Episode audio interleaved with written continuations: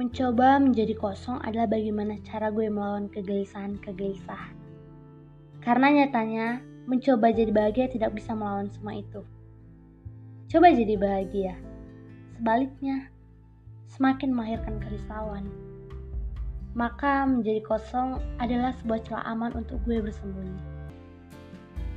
Menjadi kalah, salah, dan kehilangan akan memberimu ruang untuk menyesal.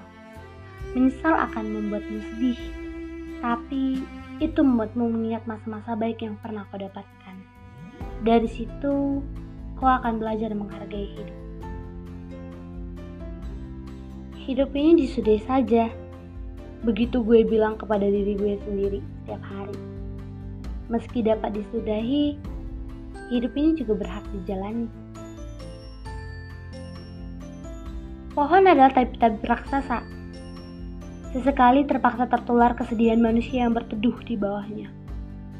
Tapi selalu dapat menyembuhkan diri kembali. Pohon adalah jiwa-jiwa yang baik, yang seringnya malah dibunuh oleh manusia tidak berhati.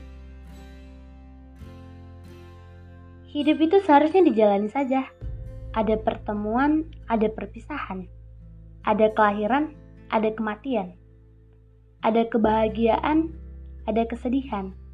Jalani saja. Itu kata saya kepada diri sendiri setiap hari. Meski dapat disudahi, hidup ini juga berhak dijalani. Karya Ruth Priscilia Angelina